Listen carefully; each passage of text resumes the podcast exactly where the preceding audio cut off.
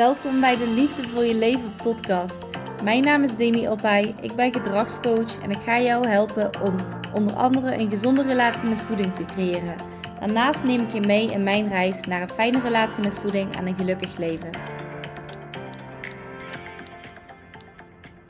Hoi allemaal, ik heb iemand te gast vandaag en zij gaat zich eventjes voorstellen. Dus kun je in het kort even vertellen wie je bent en wat je doet?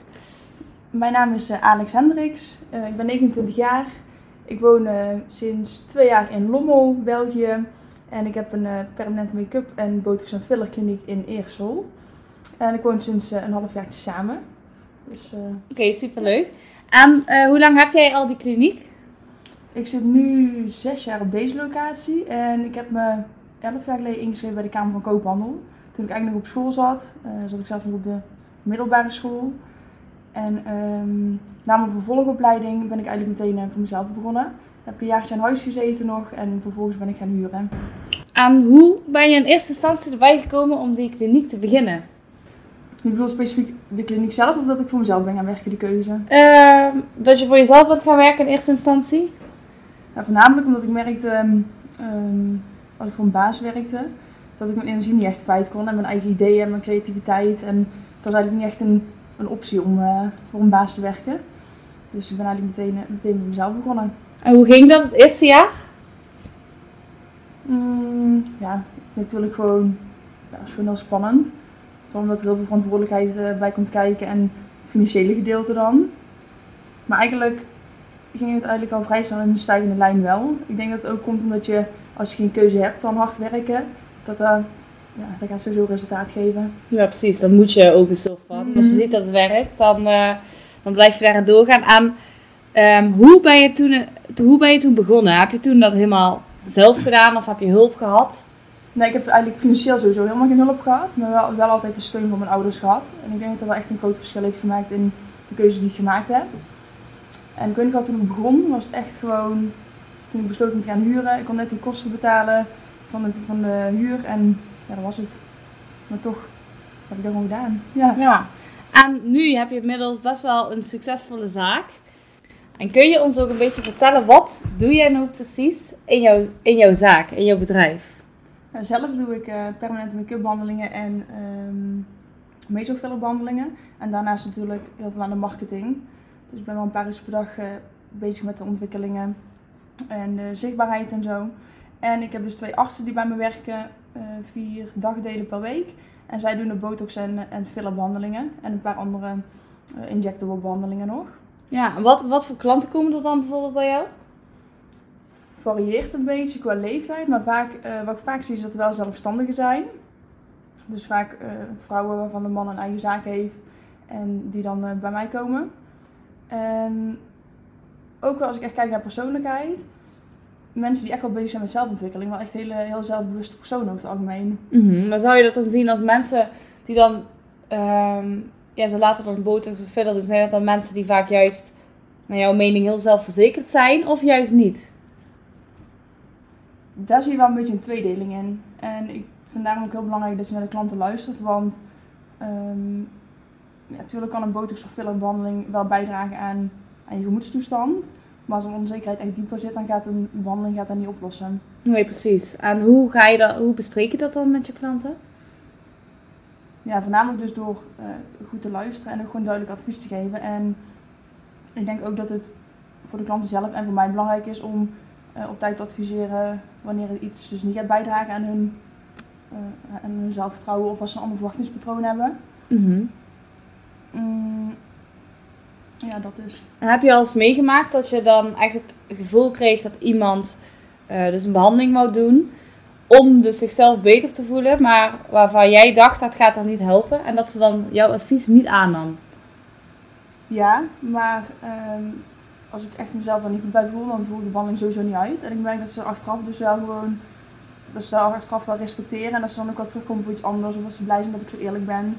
Mm Omdat ja, social media heeft het echt niet beter gemaakt. En daarom vind ik het juist ook wel fijn dat ehm, de meeste dames die bij mij, bij mij komen 30 plus zijn.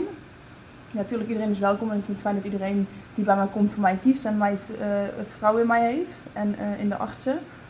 Maar als ik kijk naar mezelf, ik ben blij dat social media nog niet zo'n ding was toen ik ehm 20 was of zo. Ik denk dat ik veel meer beïnvloed zou worden door ja, die lippen die zo super groot zijn en dat ik dan denk dat het normaal zou zijn. Mhm. En ja, voor mij zouden zo'n bepaalde behandelingen echt wel de leeftijdsgrens daar, eh, daarvoor mogen aanpassen naar 25. Omdat je dan echt wel veel beter kan relativeren ook. Ja, want als, als jij even naar jezelf zou kijken, ehm, zou jij achteraf op die leeftijd eh, iets anders gedaan hebben? Terug eh, kon qua draaien? werk. Nee, qua eh, behandelingen. Om te ondergaan bedoel je zelf? Of, Ja, ehm, zelf. Weet ik niet, lastige vraag. Ja, wel bijvoorbeeld als je kijkt naar, eh, vroeger wilde ik bijvoorbeeld heel graag een borstvergroting. Mhm. Mijn ouders van ja, de- dat mocht ik sowieso niet toen thuis woonde. Nee. Daarnaast mezelf beeld ook wel veranderd. En heb ik ook wel leren accepteren dat dingen gewoon zijn zoals ze zijn. Ja, ben je blij dat je dat nooit gedaan hebt? Mm, ik ben nu wel blij dat ik het toen nooit gedaan heb. Mhm. Omdat ik toen niet eh, ehm, zelfbewust was genoeg denk om die, eh, was om die keuze te maken. Ehm, ik denk ook niet dat ik het nu snel zou doen. Maar als ik het nu zou doen, dan zou het met andere Andere zijn of zo. Ja. Ja. Ik denk dus ook, wat ik dus zie, soms komen klanten en dan laten ze iets doen en nog, dat beeld zit zo in hun hoofd, hoe het van Mhm. tevoren was of zo, dat ze dat nog niet los kunnen laten. Nee, precies. Dan is het veranderd en dan is het vaak een soort van tijdelijk Ja, blijdschap, gevoel, denk ik. Mhm. En uiteindelijk zijn ze nog steeds niet tevreden. ja precies. Dan proberen ze dat ergens uit te halen, maar vanuit de juiste manier. Ik denk bij mezelf ook. Ik heb dus wel een borstvergroting Mhm. gehad. Ehm, en ik heb er toen best wel snel eh, beslist. Ik ben er even goed heel nog blij van. Maar ik denk als ik het achteraf terug kon draaien, had ik het niet per se. Misschien had ik het niet meer Mhm. gedaan, denk ik. Omdat, ehm, ja, omdat je daarna toch heel veel op het nieuws hoorde wat voor risico's het voor je lichaam in één keer had. En is toch eigenlijk, je doet het toch omdat je ergens niet tevreden over bent of omdat je ergens onzeker over bent. Ja, En dat is, ja, dat is uiteindelijk toch de grootste reden waarom mensen iets laten doen. ik vraag me dus ook af of het uiteindelijk niet altijd inderdaad de dieperliggende reden is. Maar daarom denk ik dat de beweegreden dat je iets doet wel anders is. Precies, Eh, als ik kan me wel voorstellen, nadenkt. iemand die bijvoorbeeld hele volle borst heeft of bijvoorbeeld ehm, mooie volle lippen van nature en die wordt ouder en het gaat dan allemaal veranderen. Dat je Mhm. dan terug wil brengen naar de staat hoe het was. Ja, vind ik anders dan iets creëren wat er nooit is geweest. En dan zo ja, iemand eigenlijk ook veranderen. Qua uiterlijk. precies. Maar inderdaad, zoals jij zegt, ik vind, het heel, ik vind het goed dat het kan, want iedereen moet daarin zijn eigen keuzes maken. Mhm. Maar ik denk inderdaad, als je nog heel jong bent, dan word je iets te snel Beïnvloed. beïnvloed door anderen, door je omgeving, inderdaad met social media. Wat zou jij, wat zou jij dan nu als, als tip geven aan die hele jonge generatie, onder de 20? Betreft social media zou ik gewoon een tip geven, verwijder het. Het social media. Want ehm, Maar stel, iemand Ja. heeft nu gewoon echt social media nodig voor de, eh, ja, voor de tak waar die in zit qua werk of school. mhm. Dan kan je niet zomaar verwijderen. Wat zou je dan, wat zouden ze dan Ja. best kunnen doen? zelf wil ik dus eh, best wel veel dingen verbergen. Dus daar ben ik eigenlijk bewust gaan doen toen ik ehm, wedstrijden ging doen, bodybuilding. Ik ging mezelf zoveel vergelijken. Het lijkt bij anderen altijd beter. En als je één ding van jezelf ziet wat je minder mooi vindt, ga je er zo op focussen dat de rest in één keer, de rest zie je niet meer. Nee. Dus, en het, het verandert niks. Hoe lang geleden ben jij begonnen met eh, bodybuilding? Mijn eerste wedstrijd was in 2016. Mhm. Dat is eigenlijk ook wel grappig, want er kwam een eh, meisje toen bij mij in de salon. En eh, zij kwam voor wimpers. Ik deed vroeger heel veel eh, behandelingen. Later heb ik ervoor gekozen om te focussen op bepaalde, bepaalde behandelingen, omdat ik denk dat je niet alles eh 100% kan doen. En zij kwam bij mij in de salon en ze ging een wedstrijd doen. En ik trainde toen vier, drie of vier jaar. En toen dacht ik, oh, dat is wel een mooi, mooi doel voor mezelf ook. Ja. En zo ben ik eigenlijk gemotiveerd geraakt om, om ook mee te gaan doen. En hoe ging jouw eerste wedstrijdvoorbereiding? Ja, hoe ging die? Ik woonde nog thuis, dus het was ook wel een beetje dat ik thuis eh, mee moest en mee at. Gewoon nog. Dus ja, Tijdens je wedstrijdprep heb je toen wel nog met je ouders meegegeten. Dat was wel een beetje de regel zo. Dus dat betekende gewoon dat ik de rest de tijd eromheen niet zoveel kon eten. En ja, achteraf denk ik, hoe kon ik daar in die shape staan? Terwijl ik het, ik was echt minder kritisch op mezelf dan dat ik in mijn laatste wedstrijd was. Ik was echt trots op die shape die ik toen neer had gezet. En nu denk ik van, ja, Ja. als ik beter wist dan... eh, En wat was toen, eh, want de eerste wedstrijd, wel, heb je toen een prijs, prijzen gehaald? Of? Ja, toen deed ik nog mee, eh, dat was de Enner Cup, maar toen was ik, dat was nu zeven jaar geleden dus. Ja, toen was ik 22, dus toen eh viel ik onder de junioren. En toen had ik dan ehm, de derde plaats behaald in die klasse. Mhm, netjes. En, ehm, maar ja, wel zoveel geleerd in die, ja, van die wedstrijdvoorbereiding. Wat was toen eh, je grootste les van je eerste wedstrijdvoorbereiding? Dat ik geen eetbuien moest hebben. Dat je geen eetbuien moest hebben. Ja. En gebeurde toen die eerste wedstrijdprep wel? Ja, wel vaker. Ja. En De was laatste dat... sowieso echt niet meer. Nee. En jouw eerste prep, zeg maar, die eetbuien, kwam dat dan omdat je dus echt een soort van restricties had of te lang niet gegeten had? Of wat was daar de grootste oorzaak van, denk je? Ja, vooral inderdaad zoveel restricties. Ik zat toen op, ik deed trouwens mijn eerste wedstrijdvoorbereiding zelf. Zou ik sowieso niet echt... Geen coach gehad? Nee. Nee, echt niet. Dat zou ik echt, niet aanraden. Nee. Maar ja, ik zat toen op een gegeven moment op 600 calorieën of zo op een dag. Hoeveel? 600? Ja, dan, dan snap ik inderdaad wel dat je Mm. eetbuien gaat krijgen. En ook gewoon, ik was toen echt wel bezig met mijn eiwitinname en zo, maar verder helemaal nergens mee. Ik, eh, als ik nu kijk, ik hou echt mijn maak, eh, sowieso mijn macro's in de gaten. Als ik in wedstrijdvoorbereiding zit, maar ook echt al mijn micro's. Dus Mhm. dat moet allemaal gewoon perfect zijn. Niet alleen de kwantiteit, maar ook de Mm. kwaliteit. En ehm, hoe ging het toen na jouw eerste, eerste wedstrijd? Toen jij weer alles mocht eten? Oh, ik heb mezelf echt helemaal ziek gegeten. Ik denk dat ik binnen twee weken 8 kilo aankwam of zo. Ja. Ik had echt gewoon zo'n tas met chocola. Ik weet, er was een kilo of zo. Ik nam die overal mee naartoe. Echt Hoe erg. was je afgevallen voor je wedstrijd? Toen? Dat weet ik niet meer precies. Ik denk dat ik toen op ehm 56 kilo zat of zo. En ja, nu zit ik, als je nu kijkt, zit ik bijvoorbeeld op eh, 70, 71 zoiets. Ja. Maar echt wel een stuk minder spiermassa. En Ja. mijn laatste wedstrijd zat ik op 59 kilo. Oké. Dus eh, En, want de laatste wedstrijd is nog niet zo heel lang geleden, hè? Nee, dat was in september inderdaad. Ja, volgens mij was je echt super dedicated, zoals ik in ieder geval meegekregen heb. Hoe is jouw laatste prep gegaan? Mm, als ik naar de uitslag kijk, goed. Ja, want je, wat, wat, welke prijs had je gewonnen? Ja, ik had eh, alle ehm, eerste plaatsen eh, gewonnen en de overal titel. Ja, dat is echt eh, het allerbeste van het beste wat je kunt vinden. Ik had echt wel het gevoel dat ik het verdiend had, omdat ik echt wel zo diep ben gegaan. En Mhm. ik heb het echt zwaar onderschat ehm, ten opzichte van de vorige keer. Vorige keer zat ik in een relatie en de afgelopen wedstrijd voorbereiding dus niet. Nu inmiddels wel weer, maar... En ik dacht van, oh, als ik mijn eigen ding kan doen en daar volle bak op kan focussen, dan, dan gaat het beter. Maar er is ook zoveel... Ja, als je dan vrijgesteld bent, dan wil je ook niks missen en zo. Dus ik Ja. wilde ook overal bij zijn nog. Beetje FOMO. dat gaat gewoon echt niet. Nee. En ik heb denk ik ehm, wel de meeste dieptepunten de afgelopen prep eh, gehad, ja. Ja, en wat heb je daaruit geleerd? Dat ik niet weet of het het eh, waard is om zo diep te gaan. Ja. Want ik zat op een gegeven moment op een vetpercentage van 6,9% en de wedstrijd daarvoor op 11. En die paar procent extra is echt ehm, killing voor je lichaam. Ja. Ik heb nu pas eigenlijk sinds twee weken dat ik me beter voel. Ja? Hoe lang, is het nu, hoe lang was het nu Ja, geleden? september is dat geweest. Dat is al een half jaar geleden nu. Half De jaar. laatste week kon ik niet eens auto rijden. Was echt eh, hallucineren en... Ja, dus je zit gewoon zo diep. Hoeveel calorieën zat je op het laatste? Hoeveel moest je toen eten? Ja, dat was nog vrij hoog op zich. Ehm, ik denk 1300 of 1400. Maar dan Mhm. wel een uur cardio per dag erbij. Ja. Ik weet nog dat ik voor die prep, eh, toen die prep begon, zei ik tegen mezelf: ja, als het echt gewoon niet meer gaat, dan, dan stop ik ermee, want dat is niet waard. Maar ja, dan zit je in zo'n prep en dan denk je: ik ga nog liever dood dan dat ik, eh, dan dat ik stop. Je was al zo diep gegaan, dan, dan is het Ja. aan de ene kant weer zonde om het weg te gooien. Ja, echt. Maar zou je, als jij nu erop teruggaat, zou je, ga je nog een wedstrijd doen, denk je? Ik zeg altijd na mijn wedstrijd: ik ga echt niet meer meedoen. Maar ja, dat heb ik vaker gezegd, dus de kans dat het wel. Zoals kriebelde het dan, dus je ziet het vanzelf wel. Maar niet per vriend wil het se graag samen ook een keer doen, dus, dus dat klinkt heel leuk en ehm, gezellig. Maar goede test voor de Ik relatie. ken de- mezelf en zelfs mijn katten lopen gewoon in de weg. Ik bedoel, mijn ene kat die mocht altijd bij me slapen en toen, eh, toen kon ik echt niet meer zien, dat beest. Ja, dat is echt sneu. Ja, nee, dat snap ik wel. Je hebt gewoon, jouw hormonen zijn gewoon zo uit balans, zeg maar. Wat merkte je Ja. Toen jij zo diep zat? Toen je vetpercentage op 6, nog wat zat? Dat ik dacht dat het normaal was dat je drie keer per dag huilde. en daarna was Sorry ik echt echt trots op mezelf. Ja. Zo na een tijdje dat ik een week niet had gehuild of zo. Ik huil sowieso wel alleen niet snel, wil ik niet zeggen, maar ik ben wel een emotioneel wezen. Ja.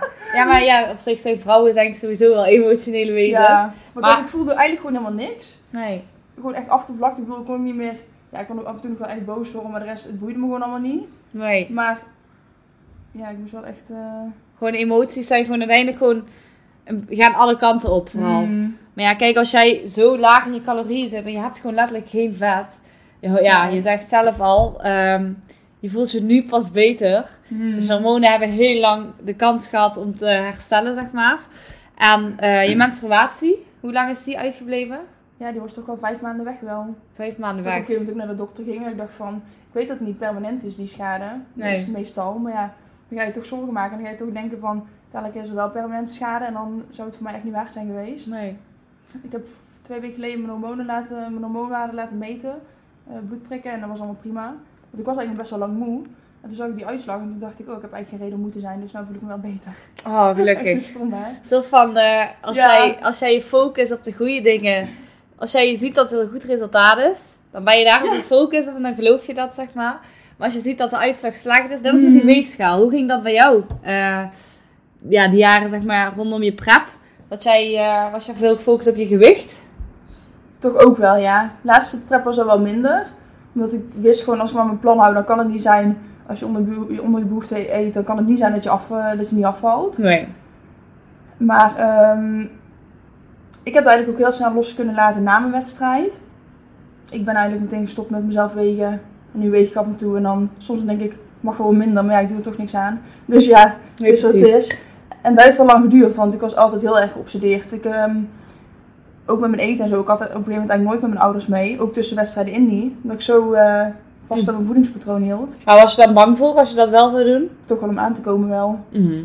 Maar ook omdat het, het is ook zo stom dat je krijgt altijd te horen tijdens een wedstrijd van, oh je ziet er echt goed uit. En ehm, zeg ik, ja dat is alleen het uiterlijk, weet je wel. Dat zegt helemaal niks over je mentale toestand. Precies. En dan willen ze tips hebben. Ja, ik ga de mensen echt niet mee helpen, maar zo, eh, dat wil je niet. Nee, maar kijk, het is, kijk, het is, het is mooi. Kijk, het er ook naar wat mooi is. De ene vindt het... eh, moeder die roept altijd als ik mijn bicep aanspan. En dan vindt ze, dat vindt ze verschrikkelijk. Maar ook dat. Ik bedoel, wij gaan natuurlijk ook niet zeggen van als iemand een vetrol heeft van, sommige mensen zeggen al uit zichzelf, ook ik vind het echt lelijk. Ja. Ja, weet ik. Maar dat, dat, vind ik, dat vind ik inderdaad ook. Net alsof dat het... Het is niet sociaal geaccepteerd als je zegt dat iemand... eh, ja, als iemand wat meer vet heeft. Maar als iemand bijvoorbeeld te mager is... Ja, Wat dan ook, ja. Dan mag het gewoon maar gezegd worden. Hmm. Terwijl ik heb echt vaker klanten gehad die daar gewoon echt mee zitten. ja. Die gewoon letterlijk ehm opmerkingen krijgen van mensen van... Oh, je bent veel te mager, het ziet er niet uit. Maar als hun dus ooit over iemand zeggen van... Oh, je bent wel wel aangekomen. Dat is sociaal Mhm. echt totaal niet geaccepteerd. En dat is met bodybuilding. Ja. Kijk, iedereen moet doen waar eh, hij zich goed bij voelt. Alleen, kijk, heel veel mensen denken dat bodybuilding... Dat die mensen allemaal hartstikke fit zijn. En ze hebben discipline en ze werken super hard. Maar het is niet helemaal fit als jij Nee. zo'n laag vetpercentage hebt. Zo voel je het niet. Iedereen zegt ook altijd, van, of ja, ik hoor dan best vaak eh, terug van mensen die me dan niet zo goed persoonlijk kennen. Van, oh nou, ehm eh, wat zeggen ze dan? Van, oh nou ben je wel een stuk minder gespierd of niet? Of eh, zo ziet er nou niet meer uit zeker. Maar dat komt vooral omdat, ja, er zit zo'n isolatielaag om. Ja, maar plus als jij op zo'n wedstrijddag... Hoe, hoe ging bij jou zo'n zo'n de dag en de dag zelf van de wedstrijd? Nou, ik ben echt helemaal stuk gegaan gewoon. Want Elle was mijn coach en wij zijn ook echt heel goed eh qua persoonlijk contact. En ik heb echt nog nooit zo genoten. Ik denk, het was echt de beste dag van mijn leven, denk ik Ja? wel. En normaal ging ik echt, echt ehm, best wel, eh, had ik best wel last van stress. Gewoon het podiummoment, podiummoment was eigenlijk gewoon het minst leuke. Iedereen kijkt er het meest naar uit, maar voor mij was het altijd echt het eh, verschrikkelijkste. Een beetje of iedereen naar je kijkt, zeg maar. Je bent echt een middelpunt. Ja, het is echt... ehm, ik heb altijd best wel snel een blackout dat ik zo in de belangstelling sta. Mhm. Maar ehm, vooral omdat ik het samen met haar kon doen. En zij dus al een dag van tevoren ook daar was en zo. We hebben echt, eh, ja, het was echt super gezellig. En hoe zag het dan bijvoorbeeld die dagen? Want je hebt de laatste week heb je de peak week. Hoe zag die peak week bij jou eruit? Qua voeding, qua training, qua andere dingen? Eh, ja, vooral, ik ben eigenlijk al een paar weken van tevoren begonnen met waterladen. Dus normaal probeer ik het zo te plannen dat ik... Woensdag was mijn laatste werkdag en zaterdag ben ik daarheen gegaan. Zondag was de wedstrijd. Ik neem altijd voor dat ik een week vrij neem, maar ja. En ehm dus Lekker. rond twee weken van tevoren al met waterladen. Ja, dan ga je sowieso al niet meer verder dan een uur eh, van de deur af. Mhm. En carploaden hebben we redelijk conservatief gedaan. Dus dat was wel echt fijn, want ik weet wel van eerdere carploads dat ik echt gewoon super ziek werd. Maar gewoon langzaam opgebouwd bedoel je? Ja. Of, eh, ja. Eerder zat ik echt op 400 gram koolhydraten per dag. Dat is echt gewoon eh, niet te doen. Nee. En het is natuurlijk lastig als je eenmaal eh, te veel hebt geladen om het dan nog eruit te krijgen. Ja. Mm, en toen hebben we eigenlijk op de dag zelf en de dag van tevoren gewoon best wel bijgeladen. Want ik kon best wel wat koolhydraten nog, nog verwerken. Ja. En hoeveel, hoeveel, wat eet je dan precies op zo'n dag? Kun je dat nog eventjes voorstellen? Die dag van de wedstrijd? gewoon echt veel suikers. Ja. Gewoon echt, eh, ik weet niet, het voelde echt gewoon alsof ik high werd van de suiker. Gewoon Gewoon, wat is dat, wafel of Snickers of Ja, zo wafels en AA en, Ja. allemaal van die dingen. En dan is het lastig, want dan moet je eigenlijk rust nemen die paar dagen. Maar dan heb je zoveel suiker dat je Mhm. helemaal hyper bent. En dan moet je om, eh, bij wijze van om 11 uur s'avonds je laatste maaltijd. Dan moet je om 5 uur ochtends weer je maaltijd. Dus fatsoenlijk slapen gaat ook niet echt. En even voor de, voor de mensen die luisteren, zeg maar. Wat voor effect heeft dat dan? Allemaal die suikers. De laatste dagen aan het water, aan de koolhydraten. Ja, hoe het proces, proces precies verloopt, vind ik altijd een beetje lastig te omschrijven. Mhm. Maar eh, wat je eerst gaat doen is eigenlijk ehm, ehm, water afdrijven. Dus het vocht uit je huid eh, afdrijven. Maar je glycogeenvoorraden, dus die zorgen voor spiervolume, ga ik in de loop van de prep ook gewoon leeg. Je Mhm. merkt ook dat je snel verzuurt. Ik was zelfs als ik een ui snee, dan verzuurde mijn Ik kon mijn telefoon niet eens vasthouden meer. Ik zat gewoon alleen mijn voice memos op te nemen. Precies. En ehm ja, je glycogeenvoorraden raken dus leeg. Dus dan ook redelijk plat.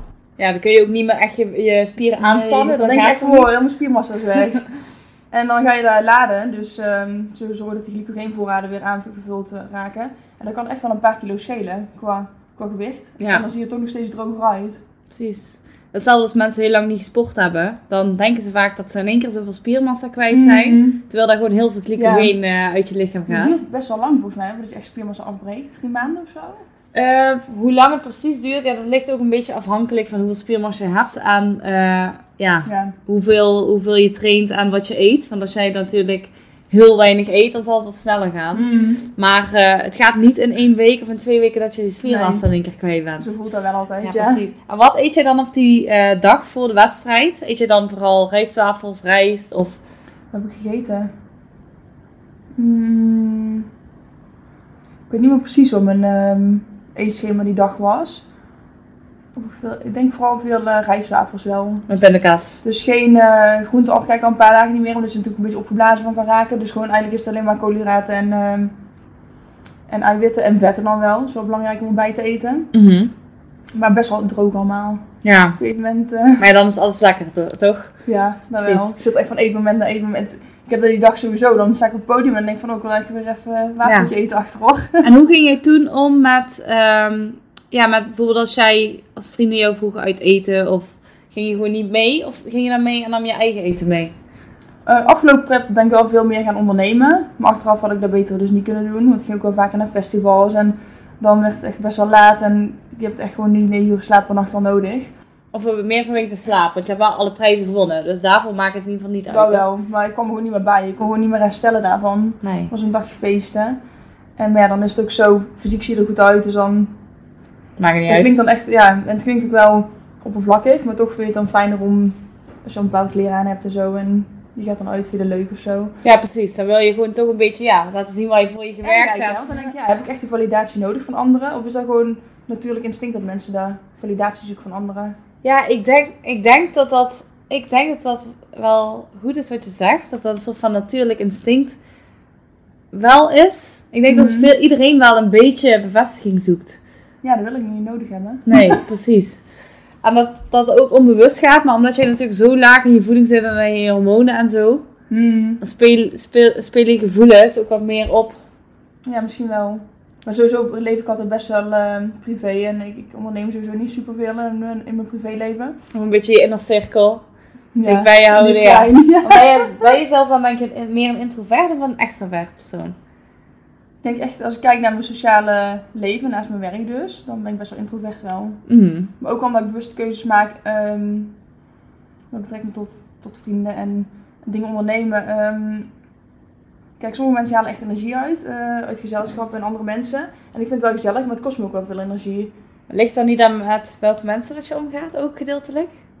Ook wel, maar eigenlijk maakt het eigenlijk bij iedereen wel, kost me wel eh, gewoon energie. Ondanks dat ik het dan super gezellig heb gehad, Precies. Dan kan het bijvoorbeeld zijn dat ik ehm, vervolgens alweer minder energie heb voor mijn werk. En dan... Dat je gewoon heel graag ook op jezelf bent. Ja, En ook omdat ik, ik heb gewoon geen zin in uh, ja, onzinnige praten of zo. Nee, ik precies. Of om dingen, dat als je iets moet plannen, Ja. dan kun je op dat moment geen keuze maken, want je hebt soort van al afgesproken. Dat kost ook wel energie. Mm. Veel, Ja, vind ik precies. ook, ja. Ik vind het ook altijd heel, super, heel leuk. Ik ben meer een extravert persoon.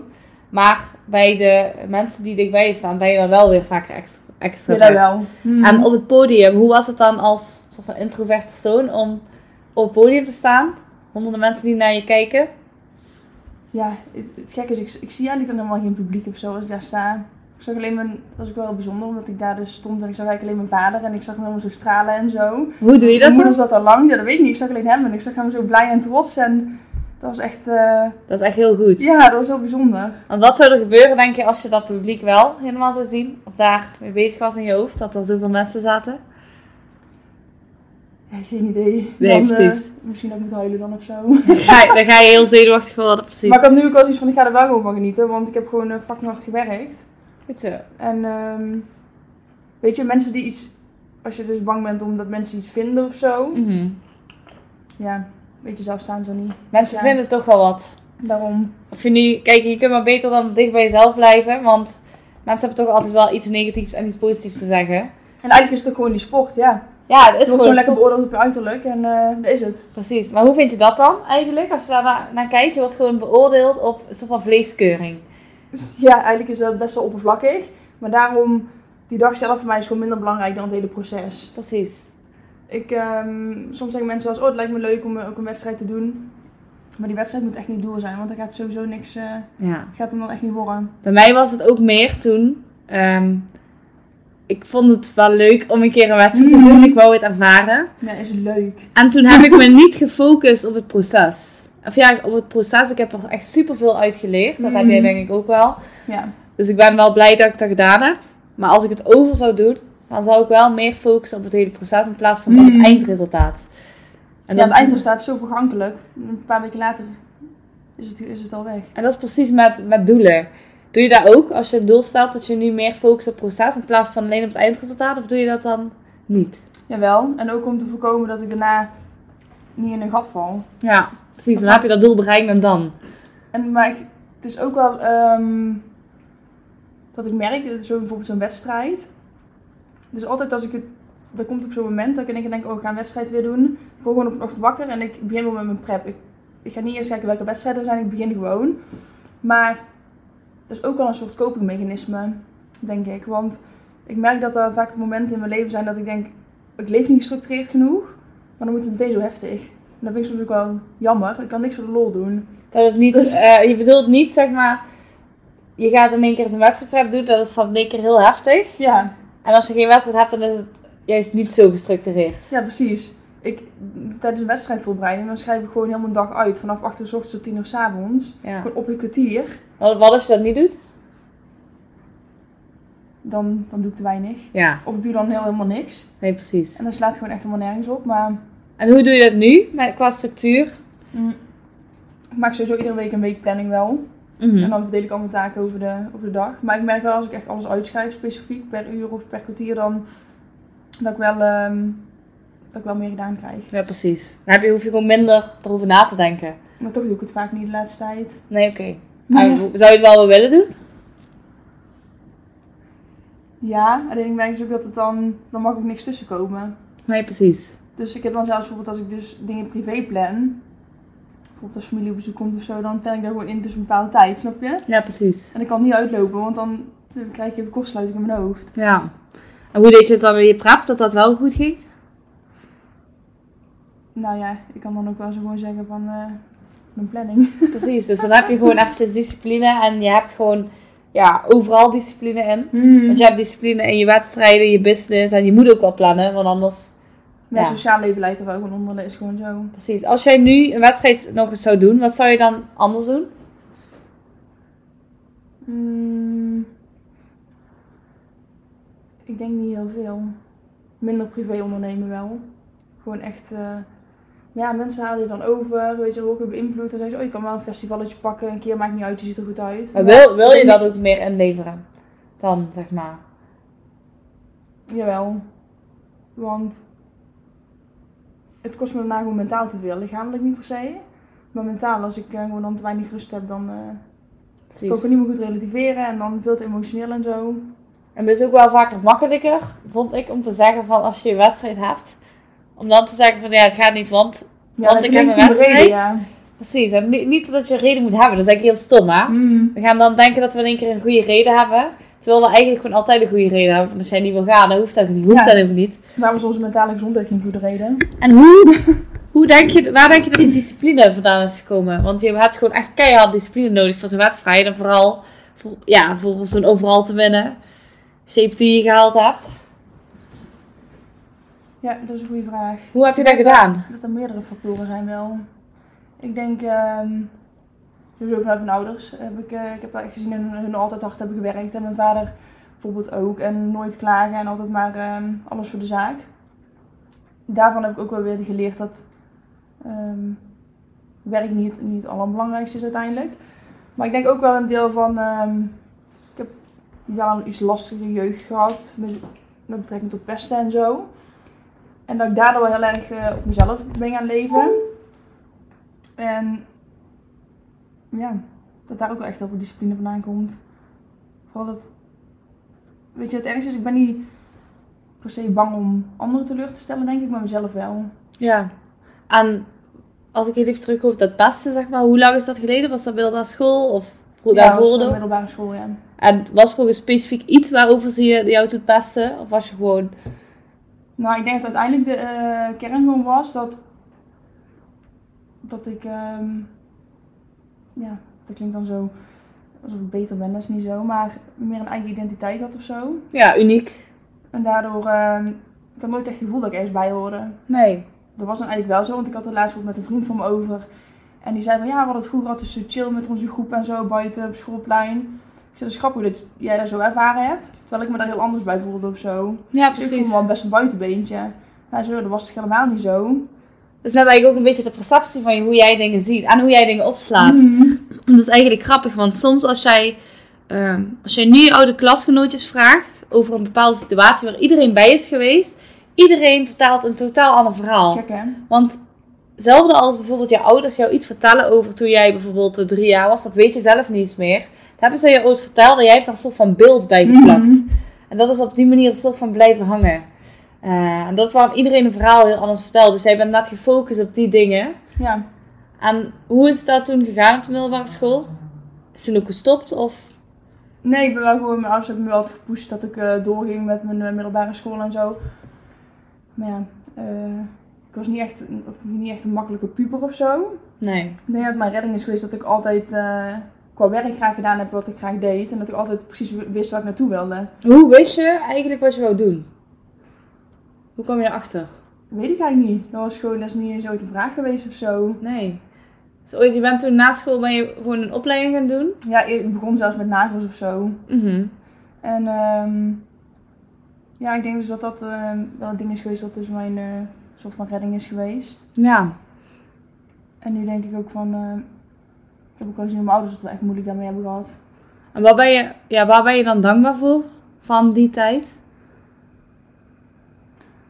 Dat ik altijd dicht bij mezelf ben gebleven vooral. Ja. Ik heb niet echt het gevoel dat ik, ehm, en dat hoop ik ook echt, dat ik ander ooit, ja mijn ouders heb ik al pijn gedaan met de dingen die ik gedaan heb, maar ik heb nooit bewust mensen pijn gedaan of zo. Niet om jezelf beter, beter te voelen, zeg Ja, maar. of om zelf niet gepest te worden, dat je niet iemand anders Mhm. gepest hebt. Ja, dat is wel een mooie, mooie inzicht. En ook gewoon dat ik nooit over mezelf heen heb laten lopen. Ja. Maar ja, daardoor heb ik denk ik ook wel, ik, daar loop ik nu dus meer tegenaan. Soms dan denk je dat je iets al een plaats hebt gegeven en dan denk je, komt er naar boven en dan merk je toch dat het iets dieper zit dan dat je, ja, dan dat je dacht of zo. En ik heb er toch best wel vertrouwensproblemen van gekregen wel. Ja. En waar, waar komt dat specifiek, denk je dat? Ja, omdat, ik denk dat ik ook erachter kwam dat sommige vriendinnen die dichtst bij me stonden gewoon echt eh backsteps gaven. Ja. Uiteindelijk gewoon jaloezie doen, want die waren zelf gewoon zwaar onzeker. Ja, precies. Het is wel goed, wel mooi dat je het dan eigenlijk soort van zoekt bij hun. Ja, ik vind het zelfs jammer voor hun. Ja. Want je moet je ook best wel naar voelen als eh, je moet ook best wel ontevreden zijn over jezelf. Wil je anderen zo'n pijn kunnen doen, Ja. denk ik dan. Heb je daar eerst ook anders gezien? Ik was gewoon boos. Ja. Gewoon op alles en iedereen. Ik voelde echt alleen maar woede. En ehm, ook een hele periode dat ik gewoon niks voelde. Gewoon geen emoties. En dat is eigenlijk pas tot, eh, dat is echt tot, ehm, tot begin 20 zo geweest. Dus je geen emoties voelde. Ja, weinig. Gewoon heel oppervlakkig. Ja. Als ik naar mezelf kijk, eigenlijk zo negen jaar geleden, zou ik mezelf echt geen leuke persoon hebben gevonden. Ik, Nee? oordeelde zelf ook best, ik oordeelde zelf best wel over anderen. Mhm. Maar als ik nu dus terugkijk, was ik gewoon mijn eigen onzekerheid. Ja. Dus kan oordeel over een ander, zeg meer over jezelf. Ja, nu kan me echt niet boeien wat iemand aandoet of wat iemand eh, doet. Ik heb wel een bepaalde mening over dingen. ehm, die bijvoorbeeld echt negatieve invloed hebben op de, op de maatschappij en zo. Als het gaat om gezond eten of eh, whatever. Maar ehm nou, verder uh, Iedereen moet echt niet aan storen. Precies, dat iedereen zijn eigen keuze kan maken. En dan Mhm. interesseert jou gewoon niet wat, ja, zijn Ja. leven, hun lijf. En hoe is dat denk je zo veranderd? Ik denk dat ik gewoon tevreden ben met mezelf en mijn leven. Ja. tijd om me druk over te maken. En, eh, maar dat is ook wel de reden dat ik dus weinig vriendinnen heb die echt dicht bij me staan of vrienden. Omdat ja, ik kan heel, heel moeilijk levelen met mensen die wel eh, over anderen oordelen. Ik neem ze niks kwalijk, want ze weten vaak niet beter. Maar Soms hebben ze niet eens door dat ze doen. ik kan daar gewoon niks, eh, Nee. niks mee en ik wil daar gewoon niet eh, in meegetrokken worden ook of zo. Beetje een stukje negativiteit. Mhm. Gewoon geen zin in. Nee, Ja. focus op de goede dingen die er zijn. En natuurlijk wel zien wat er niet goed gaat en dat verbeteren. Mhm. Ja, precies. Ben jij toen veel mensen verloren in jouw prep? Nou ja, ik denk dat er niet zoveel mensen te verliezen zijn meer, omdat mijn cirkel al zo klein is. Ja. Maar ik merk wel dat het eh, me, som, dat me soms kwalijk genomen wordt dat ik dus weinig tijd maak eh, dan voor vriendinnen bijvoorbeeld. En dat is ook wel lastig, want als ik ergens focus op heb, dan alles eromheen eh, laat ik gewoon vallen. En Ja. dat is ook wel een valkuil. En ehm, als ik echt kritisch kijk, dan is het ook best wel een egoïstische sport. Het is ook egoïstisch sport, want het gaat eigenlijk gewoon om jou. Maar aan de andere kant, kijk, soms moet je ook gewoon egoïstisch zijn. Soms moet je ook gewoon e- wat egoïstisch zijn, want Mensen Als begrijpen het toch niet. Heel veel mensen begrijpen die sport gewoon echt niet. Nee, aan de, aan de ene kant hoeft het ook niet. Maar je- uiteindelijk leer je wel gewoon echt eh, mensen die dicht bij je staan. Wie echt van je houden. Wie je echte vrienden zijn. En wie niet. Hmm. Ja, en ik merk eigenlijk de meest waardevolle vriendschappen die ik op dit moment heb. Die heb ik wel gewoon eh, via de sport eh, mogen krijgen. Dus Ja, eigenlijk heeft het me ook wel veel meer gebracht dan dat het me gekost heeft. precies. Ja, wat, heb je, wat is je, echt je allergrootste les wat je hebt geleerd, denk je? Dat, dat het niet boeit wat anderen vinden. Nee. Als je jezelf maar eh, goed bij voelt. Dat niet iedereen het hoeft te begrijpen. Maar dat dat ook niet wil zeggen dat ehm, andere mensen hun gevoelens niet valide zijn. Nee, precies. Dat ze het ook niet... En vroeger wilde ik altijd mensen het begrepen. En ik bleef me uitleggen en zo. Maar mensen kunnen het niet begrijpen. En dat is, dat is ook gewoon prima. En wat hebben, denk je, alle bodybuilders eh, of mensen die aan zo'n wedstrijd hebben meegedaan, gemeen? Als ik kijk naar eh, de mensen waar ik dan mee omga, eh, die ook wedstrijden doen, dan hebben ze toch op een bepaalde manier, ja, trauma klinkt heftig, maar toch wel bepaalde dingen meegemaakt in hun jeugd. En daar een rust in kunnen vinden. En dat is best iets goeds, want ja, het is beter dan drugs bijvoorbeeld. Alleen ik denk dat alles wat je nodig hebt om, om je goed te voelen. Kijk, ik heb echt heel lang gehad als, als mijn sport wegviel, dan werd ik echt, werd ik echt gek. Dan was het echt gewoon ehm kort lontje en ik kon gewoon niet optimaal functioneren. En dat liet me ook wel inzien dat het ook een externe factor is waar ik mijn geluk uit haal. Dat is ook niet de bedoeling, naar mijn idee. Nee, precies. Een soort van copingmechanisme. Aan de ene kant natuurlijk sport het beter dan een drugsverslaving. Maar aan de andere kant, ja, het is, ook, Iedere niet- verslaving is slecht gewoon, of Ja. ja? het is ook niet altijd goed voor je gezondheid als je zo diep gaat. Ehm. Er zijn mensen die echt eh, elke week een wedstrijd eh, hebben. Een hele periode. Ja, kijk, ik vind, het, ik vind het echt super knap. Ik heb er echt wel respect voor. Maar wat ik me wel soms afvraag, is wel gewoon zo van, je zoekt wel een beetje een soort van bevestiging, denk ik, als je zo'n spul doet. Dat had ik toen ook wel. Of van jezelf of van anderen, ja. Een beetje bewijzen dat je iets wel kan. Of dat je ergens gewoon, ja, gewoon heel veel discipline in hebt. En voor wie wil je, wil je dat dan bewijzen? Kijk, ik zei altijd dat ik het voor mezelf deed. Maar als ik heel eerlijk terugkijk, was het toch wel een beetje om te bewijzen soort van klanten. Want ik was dan net begonnen als coach. Om te laten zien dat ik zelf discipline had en dat ik dat kon. Maar ook een beetje gewoon ja, om mezelf uit te dagen. Maar daarom zoek ik ook die bevestiging van anderen. Hoe zat dat bij jou? Mhm. Ja, ik denk vooral dat ik, ehm, als ik iets voor, de, voor, de, voor, voor mijn plezier doe, dan vind ik niet snel goed genoeg. Ik moet ook wel de beste in zijn van mezelf. En dat is een heel goed ding op zich. Alleen het probleem is dat ik dus ook heel veel anderen verwacht die dicht bij me staan. Ja. Dat is iets, en dat is niet per se dat ik hun niet goed, goed, goed genoeg vind zoals ze zijn, maar ik weet dat ze nog beter kunnen.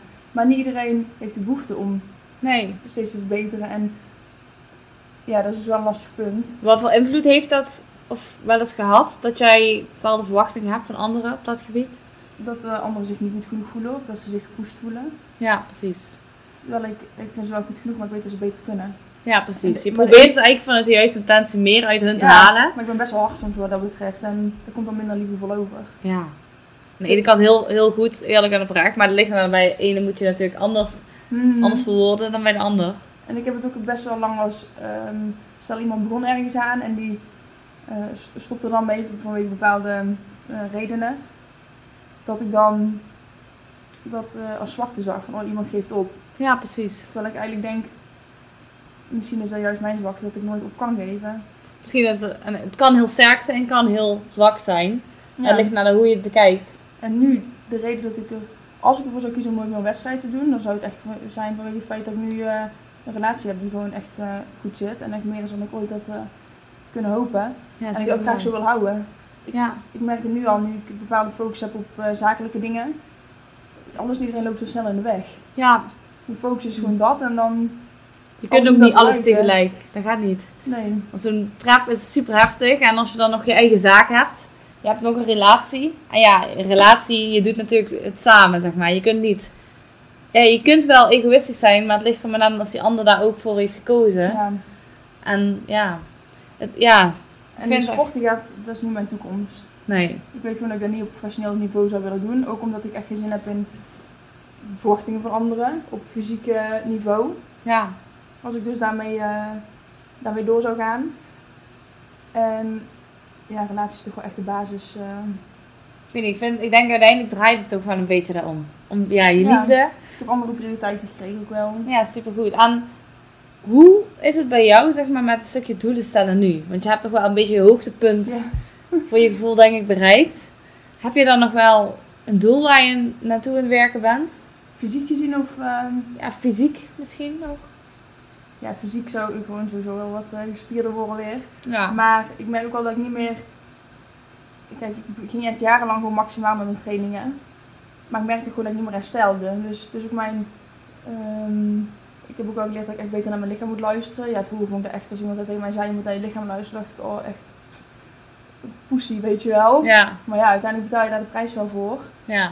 En ehm, Wat gebeurt er als je het niet doet Het is dan? ook wel weer lastig, want nu merk ik dus dat ik beter naar mijn lichaam luister, maar dan denk ik ook wel, kan ik weer beter harder groeien. Dat is dan toch weer in me of zo. Ja. Aan de ene kant is het wel goed, je streeft naar beter. Maar is het dan vanuit, evengoed wel vanuit tevredenheid nu, op dit moment? Of perfectie misschien? Nou, ik moet zeggen dat ik er toch altijd wel een beetje moeite mee heb als ik het gevoel heb dat ik fysiek achteruit ga of zo. Maar het is meer omdat ik dan bijvoorbeeld een training heb en dan heb ik wel lekker getraind, maar ik heb niet het gevoel dat ik helemaal gesloopt ben. Ik moet mezelf altijd pijnigen met iets om een voldoening uit te halen. Waarom is dat, denk je? Ik hou niet van als iets makkelijk gaat. Nee, precies. Gewoon een beetje van uitdaging. Ja, terwijl ik eigenlijk gewoon minder, eh dus met alles, ook met zakelijke dingen, ondanks dat ik dan bijvoorbeeld eh, stress heb, presteer ik toch wel beter. Dus ik haal er veel voldoening uit. Maar ja, voor mijn omgeving is het niet altijd prettig dan. En waar, waardoor komt dat, denk je dan? Dat je een beetje houdt van die oncomfortabelheid? Dat ik anders denk dat ik niet groei. Precies. Eigenlijk, Ja. Maar dat is eigenlijk ook wel op zich wel een beetje logisch. Als jij je oncomfortabel voelt, dat betekent dat jij jezelf aan het ontwikkelen bent. Ik voel me dan ook sterker, ook gewoon mentaal. Ja. Heb je mentale doelen op dit moment? Gewoon een algeheel doel voor jezelf? Om toch nog minder uit, uit ego te handelen. Weet je, het is heel makkelijk om... Ik ben een paar jaar eh, alleen geweest. En ik dacht echt... Ik heb heel veel geleerd toen. En ik dacht van... Oh, als ik deze of deze situatie zich voordoet in een komende relatie... reageer ik daar zo en zo op. En nu zit er soms toch mijn ego in de weg. Welke tip heb jij voor beginners in de bodybuildingwereld? Als het echt gaat om het fysieke gedeelte, dan zorg dat je eerst voldoende spiermassa hebt voordat je eraan begint. En ehm, als het gaat om het mentale stuk, ehm, ja, je moet echt niet vergeten dat, dat als je op een gegeven moment alles moet, volgens schema moet eten, trainen en alles eh, en cardio en zo erbij moet doen, dat het plezier dus voor een groot deel uit je training gehaald wordt. En ik denk als ik het, als ik toen meteen het eerste jaar bij van met als doel ehm bodybuilding wedstrijd met, met als dat doel was gaan trainen, dat ik nu niet meer getraind zou hebben. Nee. Want je moet gewoon plezier halen uit het trainen zelf. En dan kun je daarna kijken of wedstrijd, eh, wedstrijd iets voor jou is. Maar is het mogelijk, denk je, als je zeg maar tijdens je prep, je hebt niet altijd overal plezier in. Wat voor tip heb je voor mensen om dan toch, toch door te gaan? Gewoon niet over nadenken.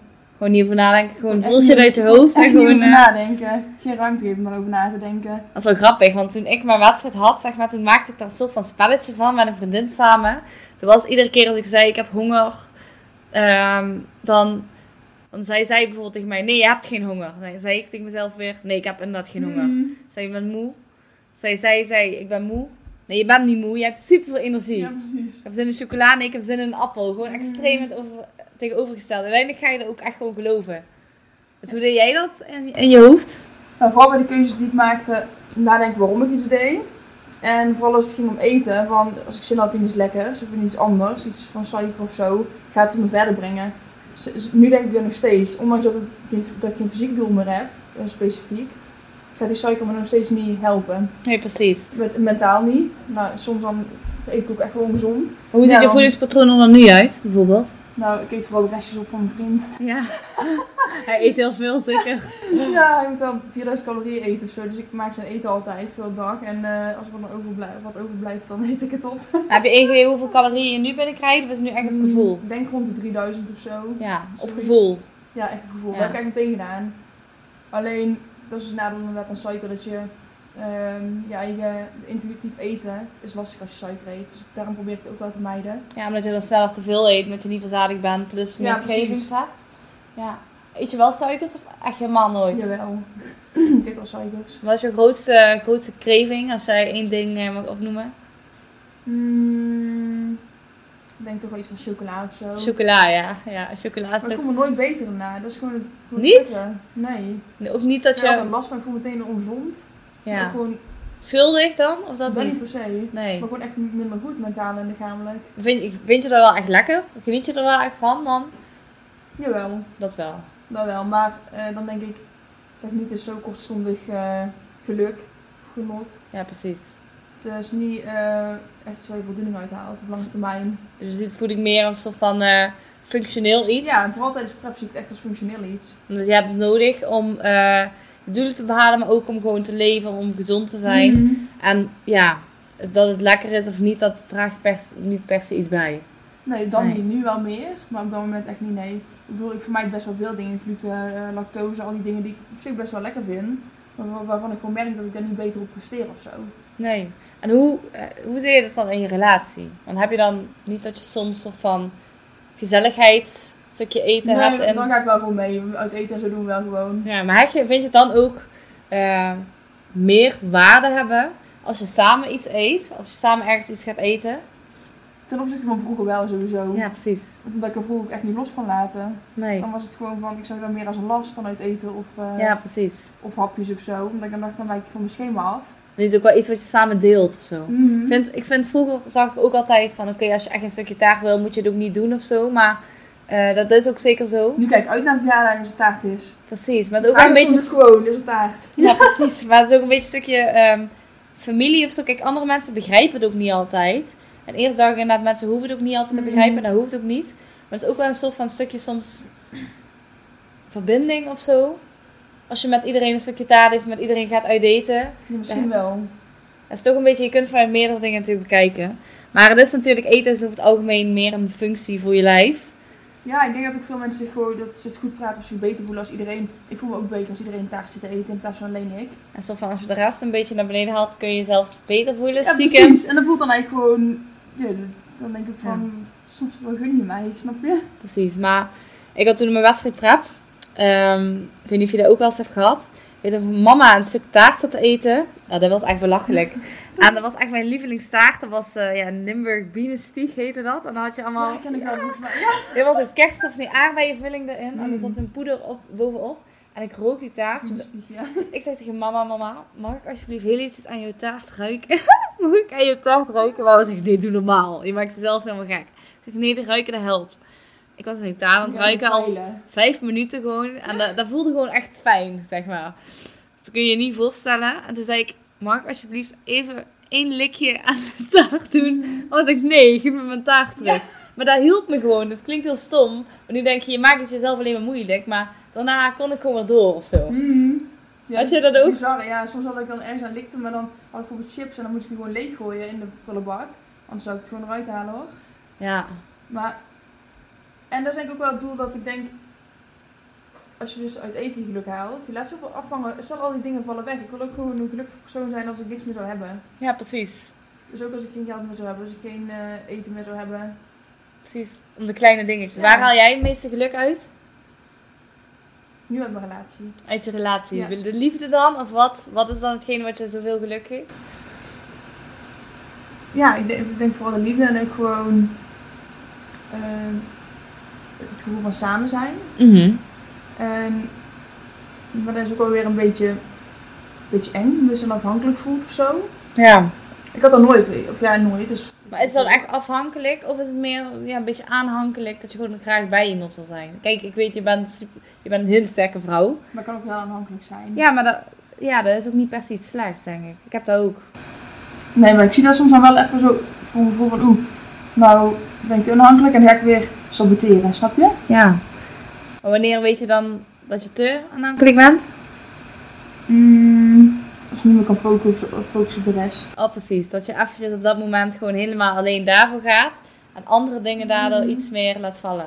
En voorheen was ik altijd zo gefocust op het werk en dat ik misschien ook geen kans had, eh, gaf om zo emotioneel aanhankelijk te worden of zo. Ja.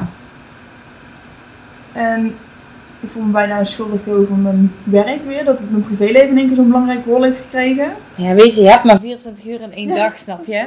En ehm, je betaalt overal een prijs voor. Dus kijk, de prijs dat jij misschien nog meer tijd zou willen stoppen in je werk, heeft er invloed op dat jij minder tijd en ruimte hebt voor je relatie. En andersom Mhm. ook. Als jij eh, volledig op je relatie stort en daardoor het werk wordt wegcijferd. Nou ja, het zorgt misschien dat je iets minder omzet hebt. Maar wat is het meer waard, snap je? Waar draait het uiteindelijk om? Ik denk dat heel veel mensen daar niet, niet eens over nadenken. Nee, het is alleen ehm, dat ik soms keuzes moet, keuzes moet maken die rationeel gezien beter eh, zijn. Omdat ik dan denk dat het op de lange termijn Ja, anders negatief invloed gaat hebben. Wat ik heel vaak zie bij vrouwen die dan, waarvan de kinderen uit huis zijn, die hebben dan zoiets van, die hebben zich altijd op het gezin gestort, waarschijnlijk heel veel voldoening eruit gehaald. Maar nu zien ze het zo als van, eh, ja nu wordt het tijd voor mij. Ze hebben zichzelf weggecijferd. precies. Dus nu moet ik soms keuzes maken terwijl ik liever bijvoorbeeld iets anders doe. Liever bij mijn vriend ben, maar dan toch kies van ik ga even iets voor mijn werk doen. Precies. Omdat ik dan ook het gevoel heb dat ik aan mezelf werk. En dat ik, ik wil niet dat dat een wrok wordt. Of dat ik dat onbewust tegen hem zou gaan gebruiken. Terwijl hij dan niet eens om vraagt. Die dingen die ik allemaal doe. Nee, ik precies. En je denkt eigenlijk uiteindelijk meer aan de toekomst voor jullie op de lange termijn. Mhm. Kijk, je kan nu bijvoorbeeld wel eh, een dag minder gaan werken en misschien meer samen zijn. Mhm. Maar ja, dus gaat dat- Hij werkt ook sowieso zes dagen of zeven. Dus dan... Ja, jullie hebben een beetje daarin dezelfde normen en waarden. Dat is denk ik wel belangrijk. Want ja, als de ene dat totaal niet kan begrijpen, dan gaat het gewoon ook niet werken. Mhm. Dus dat is wel... eh, Maar we gaan eh, en even... de volgende opname gaan we eventjes in een andere podcast doen, want anders wordt die te lang. Dus ehm, nou, heel erg bedankt voor het eh, komen en jullie zien, horen ons in de volgende podcast. Doei doei! Doei doei. Bedankt voor het luisteren naar de Liefde voor je Leven podcast. Volg mij op Instagram op @demiopai en stuur je vraag via DM of mail naar info@deemscoaching.nl. Wil je graag met mij in gesprek over jouw doelen of over een onderwerp in deze podcast? Laat het me weten. Support mij door te abonneren op deze podcast. Tot snel, doei doei!